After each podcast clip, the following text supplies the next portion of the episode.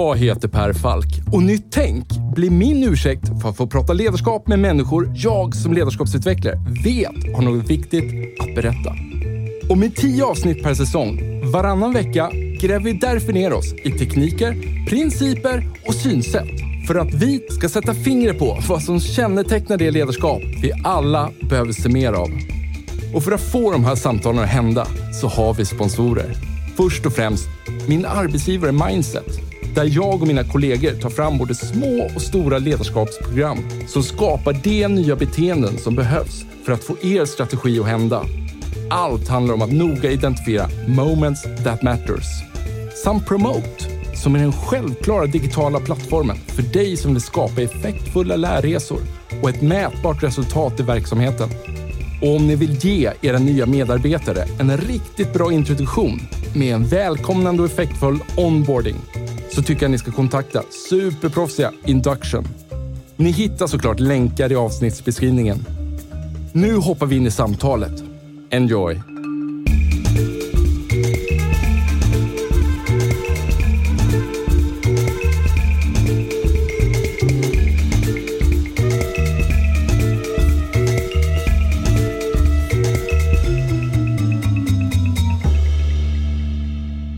Idag på förmiddagen, nu är det eftermiddag idag, på förmiddagen så sitter jag och kaféjobbar och överhör plötsligt ett telefonsamtal. Där det är en man, det, där, det är för bra för att vara sant, men det är sant. En man som sitter och ondgör sig över en avdelning på ett större bolag som arbetar med ledarskapet på det bolaget att de inte har någon feedbackkultur. Oj. jag, jag, jag börjar ana vart det här ska föra oss. Ja, exakt. Så att han ondgör sig att, att det finns liksom ingen feedbackkultur och det är ju den här avdelningen som är ansvarig för ledarskapet. Det finns ju ton av ironi. Liksom. Men för att göra ännu bättre, samtidigt som jag överhör det här samtalet och jag är tvungen att prata med honom också. Efter, när han lägger på, alltså, jag ger mig till känna och då blir han lite nervös. Men jag är väldigt tydlig med liksom att eh, så här, av anonym anonymiserar det hela lite grann. Då, liksom. Eh, men samtidigt som jag hör det här samtalet, då sitter jag och ger feedback till mina chefer. Vi, liksom, I våra program så använder vi en digital plattform. Och här är en uppgift då, där, där mina chefer som jag tränar, de har frågat sina team om feedback och återrapporterar tillbaka. Och nu sitter jag och ger feedback på deras försök att ge feedback. Någon sorts metafeedback. metafeedback. Samtidigt som jag hör hur han ondgör sig eh, över den här ledarskapsavdelningen som inte har en feedbackkultur. Och så vet jag att några timmar senare så ska jag träffa dig, Stefan, eh, och prata om feedback. Så det känns som stjärnorna står rätt här. och, och, så tänker jag så här att innan vi då rycker igång, och jag, jag ska också förklara vad du gjorde här senast. Då, så här, om någon liksom hör dig för första gången nu då. Ska vi bara börja med en snabb recap. Vem är du, Stefan? Ja, men jag, Stefan, är en 52-årig... Eh, vad fan är jag? 52? Ja, jag är 52. Jag är i samma ålder. Obe obehagligt när man börjar glömma bort ah, sin egen ålder. Usch, usch, eh, ah. 52-årig man som har vikt större delen av mitt yrkesverksamma liv i alla fall åt att eh, försöka förmedla forskningsbaserad kunskap om vårt mänskliga beteende. Jag har en eh, forskarbakgrund i psykologi doktorerade 2005 och, och har eh, under åren som verksam forskare och sen på heltid sedan 2007 på olika sätt försöka nå ut med forskningsbaserad kunskap om, om hur vi beter oss. Ja. Vad gör du på dagarna för att det ska bli lite mer begripligt? Ja, eh, jag har eh, skrivit ett antal böcker. Det är en av de saker ja. jag gör. Rätt, på... mång, rätt många, ja, får man väl säga. Eh, de börjar snart bli lika svåra att hålla eh, koll på som min, min ålder. Ja. Eh, jag tror att jag är uppe i 14 eller 15 stycken. Sen har jag drivit konsultverksamhet och jobbat med ledarskapsutveckling, grupputveckling, organisationskonsulteri på olika sätt. Jag har under många år föreläst väldigt mycket eh, och sen eh, har jag upptäckt att jag har en entreprenöriell ådra så jag tycker om att skapa koncept och produkter och se om man kan få dem att snurra. Sen tycker jag inte att det är lika roligt att och förvalta det hela. Men, eh, men eh, jag har jobbat mycket med att utveckla eh, olika typer av koncept som andra konsulter som jobbar med ledargrupp och medarbetarutveckling kan använda sig av eh, för att eh, ja, men helt enkelt eh, få bättre utfall i sina egna insatser. Du, eh, det var ju inte så många avsnitt som du var här sen. Avsnitt 33 för bra för att inte förmedlas. Det var jag som citerade dig när du sa det. Det roliga med det avsnittet som har gått sjukt bra för övrigt är att min fru då, hon, hon har ju sedan länge slutat att lyssna på podden för att vara artig liksom, eller för att vara uppmuntrande. Utan nu lyssnar hon på det hon vill lyssna på. Men ditt avsnitt är det enda avsnitt hon har lyssnat på två gånger Oj. i rad. Det säger ju någonting. Och det var ju psykologiskt kapital vi pratade om där. Och jag tänkte så här, innan vi börjar prata feedback, så här, om, om vi bara skulle spela in en trailer på avsnitt 33. Vad var grejen där? för att skapa lite sug här hos lyssnarna och gå, hoppa tillbaka några avsnitt. Hisspitchen och psykologiskt kapital. Ja, men exakt. Varför, varför är det för bra för att inte förmedlas? Ja, men eh, det är ju egentligen inga nyheter. Alla känner ju till det här sedan tidigare. Att eh, hur vi tänker och hur vi eh, upplever saker och ting, inte minst hur vi tänker om oss själva i förhållande till sånt som vi är med om, påverkar hur väl vi presterar och fungerar i olika sammanhang. Och mm. Psykologiskt kapital har, har ju då att göra helt enkelt med mentala resurser eller tillgångar som vi människor har, som ju handlar då i grund och botten om hur mycket och med vilken kvalitet vi tänker om oss själva i förhållande till vår omvärld. Ehm, forskningen ger då väldigt starkt stöd för att vissa typer av sådana här mentala resurser, ja. tankegångar om oss själva i förhållande till vår omvärld har en väldigt stor betydelse för hur vi mår, hur vi presterar, kvaliteten i våra relationer, ehm, hur hållbara vi är, hur väl vi hanterar livets jävligheter, stress, motgångar och så vidare. Och, ehm, eh, det bästa i kråksången då, det är att Eh, de, eh, de typer av mentala resurser som, då, som bildar vårt psykologiska kapital, hopp, egen förmåga, resiliens och optimism, mm. vilka man kan lära sig mer om i avsnitt 33, ja. den eminenta podden Nytt Tänk. så, det, avsnittet finns i en del 1 och del 2 vill jag säga också. Så, så det, är liksom, det är ett långt avsnitt. Ja. Exakt, det brukar bli det när man har mig på besök eh, av någon anledning. Det är väl den sävliga norrländskan. Men eh, det bästa i kråksången är att Eh, Eh, det går att fylla på. Eh, och när du fyller på, när du bygger psykologiskt kapital hos dig själv eller hos andra genom coaching exempelvis, genom färdighetsträning, genom olika typer av mentala träningsmetoder, genom reflektion och så vidare. Eh, det är som en godisbutik. Det finns massor av sätt att gå tillväga för att fylla på psykologiskt kapital. Så dels visar forskningen, både publicerad forskning i vetenskapliga tidskrifter men också våra egna uppföljningsstudier där vi testar vad som händer när vi tränar folk ja, ja. i det här. Så ser vi att ett, eh, det psykologiska kapitalet eh, ökar. Mm. Det upplevda psykologiska kapitalet ökar. Och två, det för med sig en massa positiva följdverkningar. Man ja. mår bättre, fungerar bättre, eh, får lättare att göra kloka prioriteringar och så vidare. Så att det var hisspitchen Per. Ja, ja, exakt. exakt, exakt. Och det för med sig sjukt mycket goda saker, eh, både i privatlivet och på arbetsplatsen. Det är bra kan, skit helt enkelt. Bra skit. Ja. Bra summerat. och, och sen när vi var färdiga då, även om det var ett väldigt långt avsnitt, så kände vi liksom bägge två att vi var inte riktigt färdiga med varandra, utan vi ville prata vidare med varandra. Och då så frågade jag, vad vill du prata om då? Och då kom du tillbaka med, äh, men så här, jag, jag håller på att skriva en bok om feedback. Min första spontana eh, kommentar är, så här, är boken klar? Kan vi skjuta den i samband med det här avsnittet? När, när, när vi såg senast eh, så var det min fasta övertygelse om att boken skulle vara klar. Eh, jag hade gott hopp eh, för att knyta an till psykologiskt kapital om bok, att boken skulle vara klar och jag hade en ganska klar idé om hur jag skulle lägga upp det hela.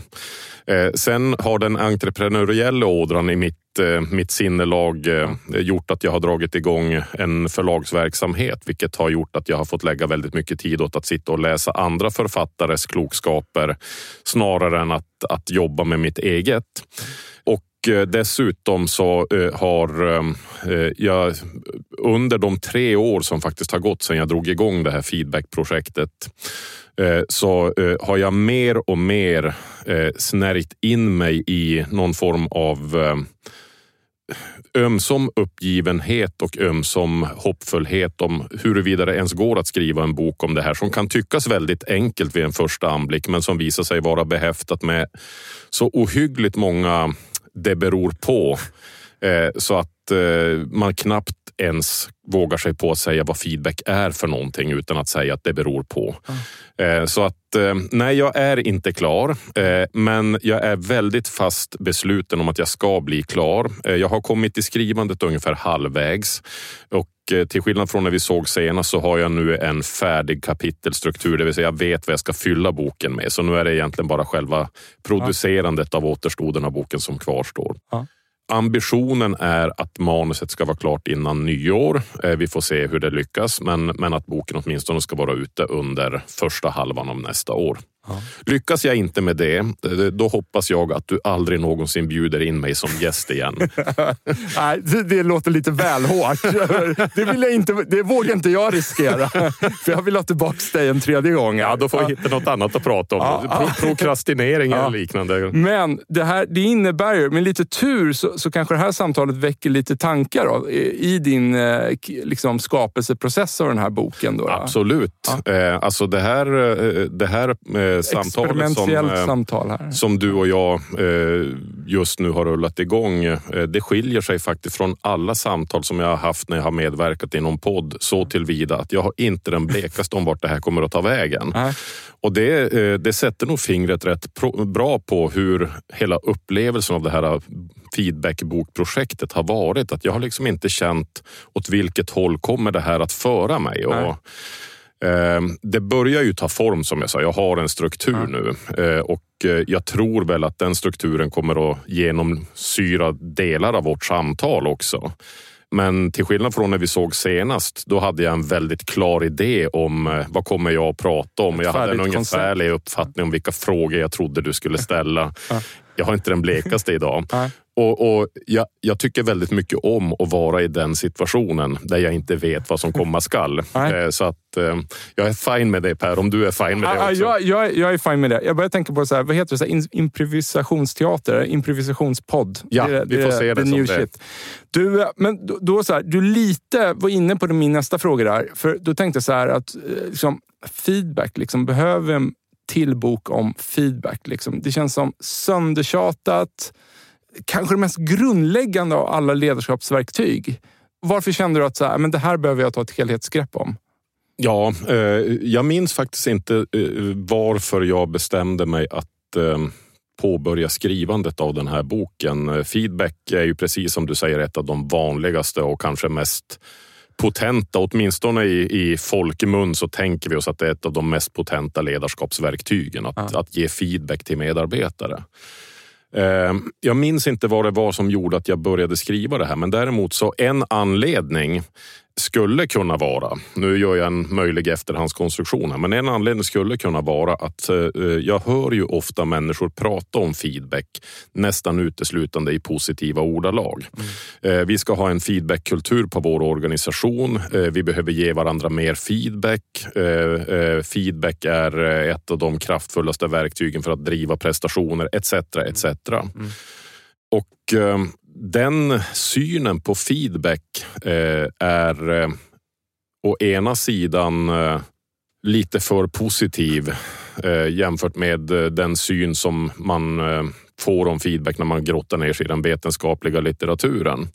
Och den är också lite för onyanserad. Eh, feedback, eh, även om det kan tyckas som en ganska basal enkel företeelse så, så är den behäftad med en väldigt, väldigt massa eh, kontingenser eller, eller eh, det beror på. Eh, om feedback ska landa väl och medföra någon form av positiv effekt i förändrat beteende, mm. förändrade förbättrade prestationer så så beror det på eh, i vilken situation ges denna feedback? Hur ser feedbacken som sådan ut? Mm. Vem är personen som ger denna feedback och vem är mottagaren av den här feedbacken? Relation. Och hur ser relationen mellan dessa två ut? Och när man då tittar på vad forskningen säger eh, om feedback så kan man säga att ja, men om man bara slår ut eh, alla de tiotusentals eh, människor som har exponerat för feedback i vetenskapliga studier om feedback. Ja. Det, det, är säkert hundratusentals människor som har ingått i de här feedbackstudierna där man har på olika sätt experimenterat med att se vad som händer när man ger människor feedback på sitt handlande. Så ser man att i genomsnitt för den stora massan ja. så finner vi en eh, medelstor eh, effekt utav feedbacken. Det vill säga prestationer förbättras som en följd av feedback. Mm. Men i den stora massan så finner vi variation eh, och eh, när man då börjar bryta i det så ser man att eh, trots att den genomsnittliga effekten är positiv så ser man att det tycks ändå bara vara så att i ungefär en tredjedel av fallen så, så blir det en positiv effekt medan det i två tredjedelar av fallet ändrar, uteblir effekt. Det vill säga, det blir ingen förändring alternativ en rakt motsatt effekt. Prestationer för, försämras som en följd av feedback. Och anledningen till att snittet blir eh, positivt är att de tredjedel av fallen där feedback faktiskt leder till positiv förändring, ja. eh, där är eh, den, den, positiva förändringen större i omfattning än den tredjedel av fallen där feedback till, leder till ja. negativ eh, effekt. Ja. Eh, och men det innebär alltså att när, när jag som chef eller medarbetare sitter och, och, överväger att ge feedback till en annan individ så bör jag vara medveten om att om inte jag känner till någonting om det här med hur feedbacken ska vara beskaffad, i vilken situation, vem jag är, vem mottagaren är och vår relation så mm. finns det en uppenbar risk att det är två tredjedelars sannolikhet att den feedback jag är på väg att leverera kommer att ändra inte leda till någon positiv effekt eller direkt negativ negativ effekt. Och den tror jag att eh, väldigt många människor ute i arbetslivet inte känner till och det får väl då ses som ett argument för att eh, skriva den här boken.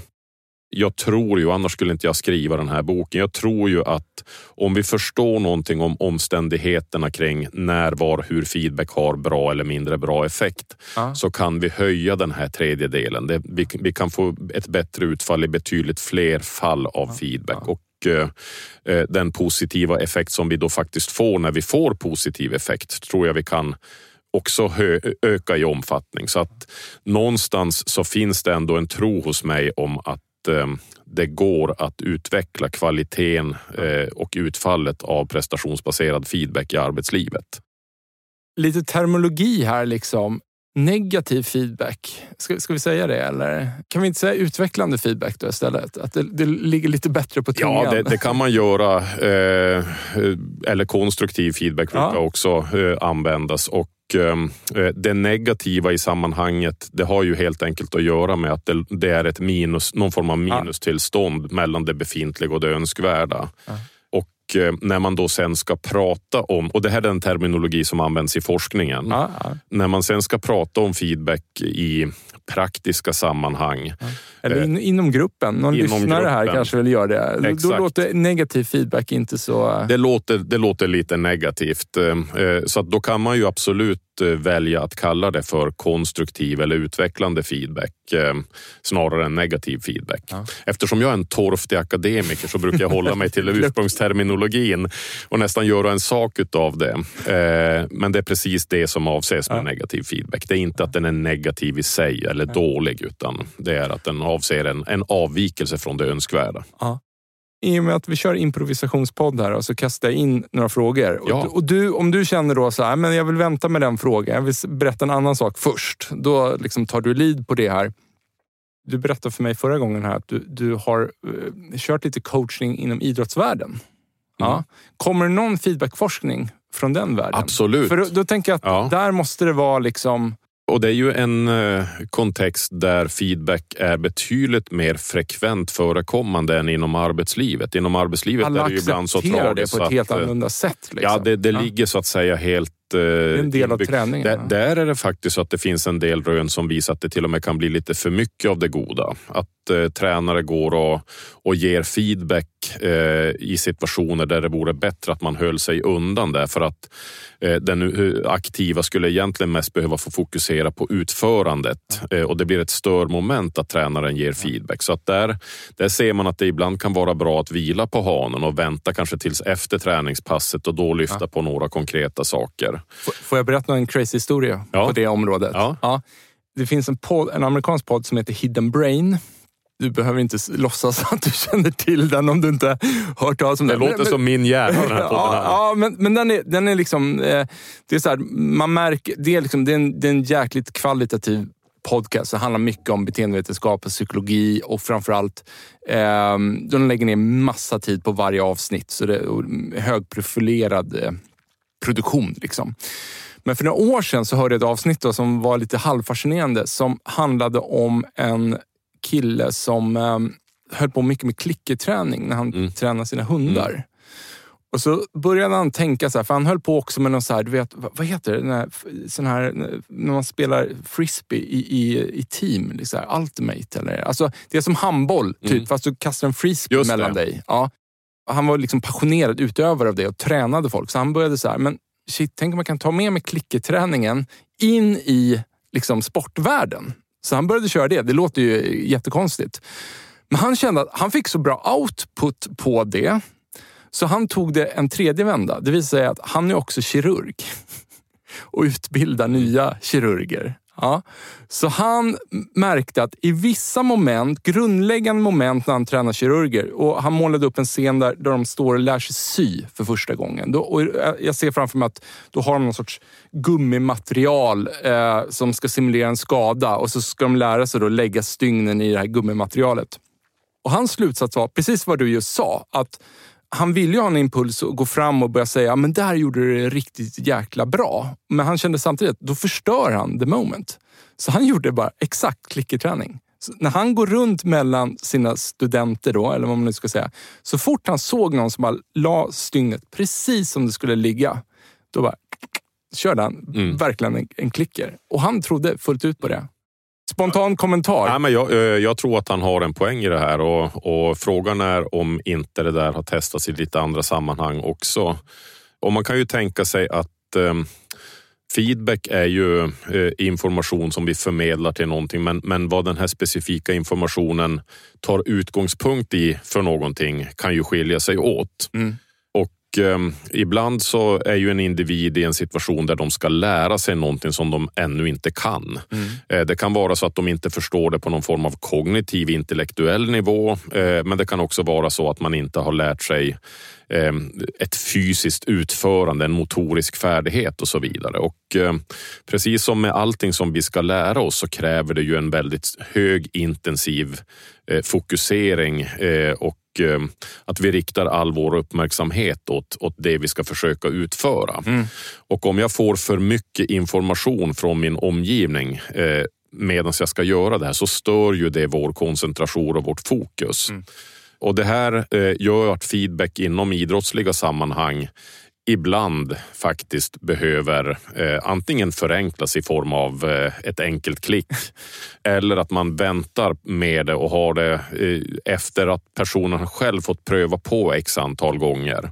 För ibland är det ju så att man själv förmår att notera och upptäcka när man utför ett, ett eh, rörelsemönster eller en handling. Man att, okay, känner, det, du känner att, att det blev det bättre. Blev du bra, får en naturlig exakt. feedback. Och, eh, och Det är ju den bästa formen av feedback vi kan få. Det är alltid bättre om vi kan komma Kroppen. på det själv. Kroppen, exakt. Ja. även om du kommer på någonting som är mer av intellektuell karaktär. Ja, men ah, just det. Det blir ju på det här sättet om mm. jag tänker på det där mm. sättet. Mm. mm. Och um, det är någonting man kan ha i åtanke när man pratar feedback. Kan, kan vi på något sätt rigga en situation så att personen kommer på det här själv mm. Utan att vi eh, utifrån intervenerar för mycket så är det allt som oftast det bästa. Inom arbetslivet är ju det här definitivt inte ett problem. Här, här handlar det ju snarare om att Eh, öka antalet tillfällen där man ger feedback av god kvalitet från det årliga medarbetarsamtalet till någonting man försöker få in och göra på, ja, om inte daglig basis, men åtminstone väldigt mycket mer frekvent. Mm. För det är ju den stora utmaningen för chef, många chefer i arbetslivet. Det är att det är alldeles för glest mellan tillfällen där de faktiskt kan sitta med sina medarbetare, observera medarbetarna i sitt arbete, ställa frågor om arbetet, titta hur det går, följa upp och ge återkoppling på utfört arbete. Mm. Vet vi någonting om det? Hur ofta det sker eller inte sker? Eh, det varierar såklart, men däremot så eh, när man tittar på medarbetarundersökningar och när man tittar på sån här ledarskapsfeedback feedback-kartläggningar med 360 graders feedback-instrument och liknande så ser man ju att i stort sett alltid i, i de här så kommer det här med om att få feedback från sin chef och även det motsatt om i vilken utsträckning chefen själv ber om mm. feedback. Det ser man ju att det är nästan alltid en av de frågor som ligger lägst skattat. Att det gör man inte eh, i tillräcklig utsträckning. Sen är det såklart att vissa verksamheter ser det säkerligen annorlunda ut, men om man drar ett tvärsnitt över mm. alla eh, verksamheter i arbetslivet skulle jag nog säga att upplevelsen åtminstone från, från de flesta chefer och mm. medarbetare är att det är för lite feedback. Mm. Så vad börjar vi då? Vad, vad, vad går det fel? Tror du ute i arbetslivet? Alltså, det ges inte i, i tillräckligt stor omfattning. Jag bara tycker också så här, i ledarskapsträning traditionellt så har man fokuserat kanske för mycket på liksom, de olika verktygen kring feedback. Men, men man kanske har varit sämre på att fånga det vi lite pratar om nu, den övergripande mm. kontexten. Mm. Och att ja, relationen en... måste finnas på plats. Och om någon ska tillgodogöra sig min utveckling feedback så måste ju den personen, tror jag, nästan i djupet känna att jag vill utveckla den här personen. Jag blir glad om det går bättre för den här personen. Ja. Det, eh, och, och, jag tror att eh, de konkreta metoderna, de här liksom eh, fakta, känsla, konsekvens, situation, beteende, ja. implikation. Det finns ett antal sådana här eh, liksom enkla metoder. De är absolut bra mm. och liksom har en, ett värde. Men, men jag tror att vi många gånger går bet om vi tror att de kommer göra jobbet. Exakt. Och det är väl en jättebra Exakt. Eh, bra idé att börja utifrån den kontext där eh, chefer och medarbetare ska prestera. Mm. Och det har ju då de sista decennierna forskats väldigt mycket på, det kallas faktiskt inte för feedbackkultur, även om det populärt kallas för feedbackkultur, utan eh, den eh, akademiska benämningen har kommit att bli feedback environment eller feedbackmiljö, vilken då beskrivs som en specifik aspekt av den övergripande organisationskulturen som handlar om hur människor kort och gott förhåller sig till feedback. Mm. Och man har då utvecklat Eh, olika enkätbaserade självskattningsinstrument eh, som avser då att mäta upplevd feedbackmiljö och där man har kunnat se att när den upplevs vara av god kvalitet mm. så får det massor av positiva följdverkningar. Människor söker mer frivilligt efter feedback, vilket mm. är någonting väldigt bra. Mm. Att söka efter feedback tenderar överlag att ge bättre utfall av feedback än när vi får feedback utan att ha bett om den. Eh, det visar sig vara relaterat till trivsel på jobbet, till välbefinnande, till ökad, eh, ökad ehm, förbättrad arbetsprestation, mm. Eh, till större hängivenhet för sina arbetsgivare, färre sjukfrånvarodagar. Mm. Det visar sig ha koppling till det mesta som är bra, att vi har ett, mm. ett positivt feedbackklimat. Och feedbackklimat då i sig, det, det är ju en, en mångfacetterad företeelse mm. som mynnar ut i eh, synbara beteenden. Att människor aktivt frågar efter feedback och, och ger varandra feedback och faktiskt eh, anstränger sig för att göra någonting av feedbacken. Mm. Eh, och eh, eh framförallt så handlar det ju om att eh, man att man värdesätter feedback, att man bedömer att feedback är någonting värdefullt. Att man upplever att det finns tillgång till feedback, eh, mellanmänsklig feedback i min eh, organisation. Att mm. eh, antingen chefer eller kollegor, andra medarbetare eh, finns där och kan ge mig feedback. Mm. Att jag bedömer att de människor som finns runt omkring mig är trovärdiga. Det är en jätteviktig del i en positiv feedbackkultur. Att jag faktiskt bedömer att de har tillräcklig kompetens och de är tillräckligt ärliga mm. Eh, för att kunna ge mig feedback. Mm. Att jag bedömer att Eh, den feedback som de facto ges är eh, balanserad så att jag får veta både när jag gör någonting bra och mindre bra. Mm att jag upplever att den håller god kvalitet, att den är konsekvent och inte bara avhängig vilket humör avsändaren mm. råkar vara på mm. för dagen, utan mm. att, eh, att den är, eh, när jag har gjort någonting bra så får jag veta det. Och nästa gång jag har gjort någonting bra så får jag också veta det. Och likaså när jag har gjort någonting mindre bra att jag upplever att den levereras med eh, omtanke och välvilja. Att, eh, att jag upplever att människor när vi ger feedback i den här miljön vill uppriktigt varandra väl. Eh, det är några exempel på såna specifika aspekter av feedbackklimatet som vi människor gör bedömningar av som summeras ihop till det, det totala feedbackklimatet. Så det känns som man borde börja resan där någonstans då?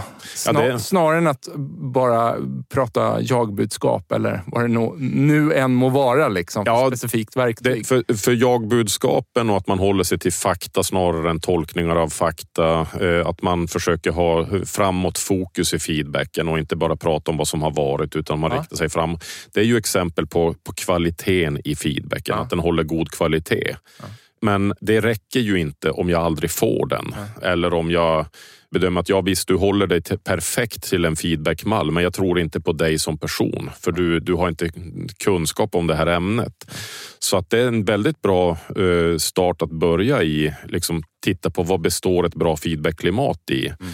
Och sen tror jag ju att ska man få till ett bra feedbackklimat så är det ju åtminstone väldigt, väldigt mycket vunnet om uh, chefer och andra typer av ledare i verksamheten, formella såväl som kanske informella, fungerar som goda föredömen och själva aktivt ber om feedback och själva aktivt mm. ger bra feedback mm. Eh, och uttalar att man värdesätter feedback och att man visar att man avsätter tid för att eh, ge och få feedback. Att man visar att man avsätter resurser för att hjälpa människor att utbilda sig i hur man ger och får feedback. Mm. Eh, saknas den biten så då blir det som med så mycket annat. Mm. Ja, det där verkar ju vara jättebra men, men våra chefer verkar ju inte tro på det där själva. Mm. Så att jag tror att den biten är jätteviktig om man ska få till en, en eh, någonting som är att betrakta som en kultur. Ja, jag gillar bara eh, en passus där. Du pratar om det där framåtriktade. Det är en av mina gospels när jag mm. pratar feedback faktiskt. Och jag blir inspirerad av det av en studie som hur man kunde, det här låter så hemskt, men hur man kunde prediktera hur gifta par huruvida de om fem år skulle fortfarande vara gifta eller inte. Har du hört Låter om det? som John Gottman. Ja, ja men liksom hur, alltså baserat på hur de pratar med varandra kunde man predicera. Och en av de här stora grejerna var hade man tillbakåtriktade gräl eller framåtriktade mm. gräl. Det var inte grälet i sig som var prediktorn. Liksom. Utan tids... drar man upp mm. gamla grejer eller, eller pratar man mer, hur gör vi nu för att det här inte ska hända igen? Eller eh, hur gör vi nu nästa gång det här sker? Eller liknande. Ja, det var, det var. Ja, men det, jag tror att det ligger... Och det, det kommer mer och mer forskning eh, på, på det här med framåtriktad feedback och i, i populära kretsar så har man pratat om det även om det inte har funnits lika mycket forskning kring det. Man har pratat väldigt mycket om något som kallas för feed forward. Ja. Som i grund och botten handlar om att prata om önskvärda framtida beteenden. Att, eh, Eh, jag brukar beskriva det som att tänka sig feedback som ett längdhopp där själva tillbakablicken, det är när du sätter foten på avstampsbrädan. Ja. Eh, den vill du göra så kort och kraftfull och tydlig som möjligt. Mm. Okej, okay, det här är beteendet. Det var bra, det var inte bra. Mm. Men framöver, mm. då ska det se ut så här. Och, och det framåtriktade samtalet, där kan vi vara mer utvecklande och beskriva vad är det konkret vi vill se i vilken specifik situation. Hur kan du bära dig åt för att ta dig dit? Och det kan mycket väl äga rum i form av ett coachande samtal där personen själv får fundera på hur skulle du själv vilja lösa det här framöver? Ja. Så att eh, det där är en positiv utveckling i feedbackforskningen. Och där tycker jag vi också att du sätter fingret på en annan eh, problematik kan jag tycka. Av tradition. Alltså så här, tittar man... I USA känns det mycket vanligare att när man pratar om coaching, då är det som att man pratar om både feedback och... Du får säga emot mig nu. Jag, intrycket är att man blandar ihop feedback och coaching under begreppet coachning. Mm. Medan alltså i Sverige så pratar de om två skilda grejer, men i praktiken så, så kan det ofta vara så att man måste feedbacka och coacha, kanske i samma samtal. Liksom. Absolut. Men det är sällan chefer efter ett program riktigt förstår det, för man separerar upp det så mycket. Liksom. Ja, och jag, jag tror att en anledning till den där sammanblandningen eh, kan ha att göra med att och det, det, här gäller nog även i Sverige i viss utsträckning, mm. är att man, man ser på coaching väldigt mycket som det som idrottstränaren, idrottsledaren gör. Han eller hon coachar sina spelare, ja. sitt lag. Ja. Eh, och där blir ju feedback en del ja, av, Jag skulle, del jag skulle påstå att idrottsrelaterad coaching har ganska lite med riktig att coaching att göra. Eh, för att coaching så som eh, det beskrivs som ett verktyg som vi kan använda för att utveckla människor. Det handlar mycket mer om att låta individen själv få reflektera över vad som har gått bra och dåligt, vad man skulle vilja göra för förändringar, vilka mål man har, vilka potentiella svårigheter och hinder man eh, möter på, hur man ska hantera dem. Ja. Att jobba mycket mer med att ställa coachande öppna frågor och aktivt empatiskt lyssna och ja. hjälpa personen till självhjälp så att säga. Ja. Och eh, det här har det ju kommit jättemycket forskning på de sista decennierna där man har sett att coaching som metodik eller som, som eh, sätt att strukturera upp ett samtal med en annan person har en massa positiva effekter. Mm. Som chef och formell ledare så tror jag man går i en fälla om man försöker bara coacha på det sättet. Därför att du behöver ibland utifrån din egenskap av uh, auktoritet men också ibland av egenskap av mer sakkunnig i en fråga. Du kanske vet vad som är ett korrekt svar på en fråga och din medarbetare vet inte det. Uh, att försöka coacha någon när personen uh, faktiskt skulle vara bekänt av att direkt få veta att det där är inte rätt väg framåt eller precis så där är rätt väg framåt tror jag kan faktiskt slå bakut ibland. Så att som chef så tror jag det är viktigt att ha en balans mellan det coachande förhållningssättet där du ställer frågor, hjälper till att få personen att själv reflektera mm. över vilka mål man vill jobba mot och vilka problem man ska lösa och att faktiskt ibland också vara det här expertögat utifrån mm. som, eh, som återkopplar. Mm. Jag brukar uppmuntra liksom att eh, vid feedback, alltså om, om möjligt vid liksom utvecklande feedback att så här, men börja samtalet någonstans med att så här, ja, men hur gick det? Så mm. Vad gick bra? Vad gick mm. dåligt? Vad, vad, kommer du göra nästa gång? Mm. För med lite tur då, för, för det mesta så vet ju folk vad, vad man kan göra bättre nästa gång Absolut. i ett arbetssammanhang. För, alltså jag skulle vilja säga att den stora majoriteten är ändå sådana situationer. Men då börjar du ändå med en coachande, lite skönare ansats.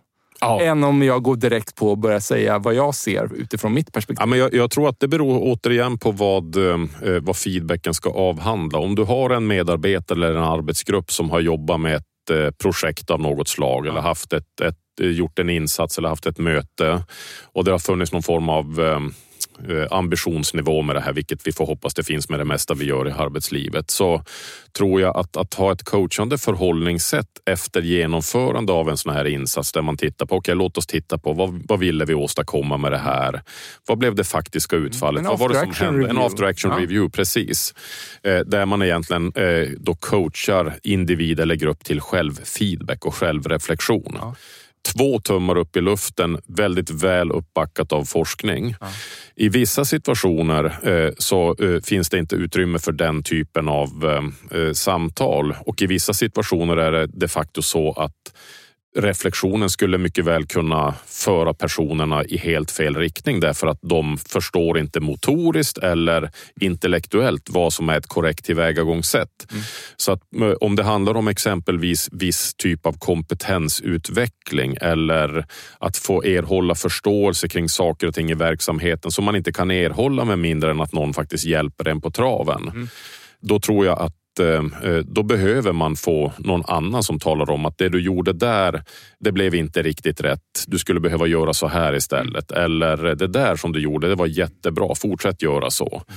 Eh, så att det beror återigen lite grann på, mm. avser feedbacken att återkoppla på någon form av inlärningsbaserad prestation där, där personen är i inlärning. Mm av någonting som vederbörande inte kan? Eller avser den information som handlar om sånt som personerna egentligen redan kan men på grund av distraktion eller omotivation eller för tillfället otillräckliga förutsättningar mm. inte har gjort. Mm. Och så länge det ligger på den nivån där, där personerna själv faktiskt är förmögna att reflektera kring mm. vad som är gjort och inte gjort och varför det har blivit som det har blivit. Ja, då skulle jag säga att då är coaching att föredra varje dag i veckan. Mm. Mm. Det tar lite längre tid naturligtvis, men, eh, men kanske att det vinner mer tid i förlängningen. Du, tillbaka till den här feedbackmiljön. Mm. Jag, jag, jag tänker så att organisationer då som, som skårar högt på eh, feedbackmiljö i den här forskningen. Och nu, jag, nu sitter jag bara och gissar. Jag tänker mig att det är väldigt mycket feedback som händer där utan att människorna i den organisationen nödvändigtvis tänker på det i termer av feedback. Mm. Tror du inte det? Tror inte Absolut. att de gör en after action review eller har som rutin att efter varje sälj, eh, liksom kundbesök så bara utvärderar vi. Hur gick det? Hur, hur kände du det här? Hur gör vi nästa gång? Och, och, Sen så använder man inte ens ordet feedback utan det är bara att man har byggt in en kultur av att vi hela tiden hjälper varandra ja. att utvärdera oss själva. Eller? Ja, men jag tror det. Och, och, det blir väl ungefär som med fiskarna i akvariet. Att när du, ja, du ser inte vattnet när du är så att säga en del utav det. Och i en väldigt feedbackvänlig miljö så kommer det här gissningsvis väldigt, väldigt naturligt. Att man ger och utbyter information om mm. hur man presterar. Man ställer frågor. Man, man ber folk, kan du titta på hur det går för mig i den här mm. situationen? Mm. Bara liksom ge mig en återkoppling mm. efteråt. Man, man spontant eh, erbjuder, om du vill så, så kan du få mitt öga på det här. Mm. Det vill säga, det kommer väldigt, väldigt naturligt. Mm. Ehm, och eh, det låter som en ganska trevlig miljö att finnas i Verkligen. faktiskt. Ehm, eh, att eh, framförallt om du ska samarbeta mycket med andra, liksom, att, mm. att vi hjälps åt att, eh, att utveckla varandra. Ja. Eh, så att, eh, nej men det är nog precis som du säger. Så, så vad börjar man där då? Har, har du några tankar kring? Hur börjar, för, för om, om, man märker nu då så att ja, men vi, vi kan konstatera att så här, men det finns en stor... Vi måste måste använda oss av feedback, förmodligen för att utveckla vår verksamhet. Och det finns en inbyggd potential där. Men den potentialen kommer inte riktigt fram på arbetsplatserna. Och det verkar som vi ska börja med feedbackmiljön. Liksom. Vad fasen börjar man där? Ja, då, det är ju en rätt skulle... tung uppgift. Ja, det är det. Jag tänker att eh, precis som med de flesta problem så behöver vi... Hörni, tack till våra sponsorer Mindset, Promote samt Induction för att ni tror på den här produktionen. Ta hand om er.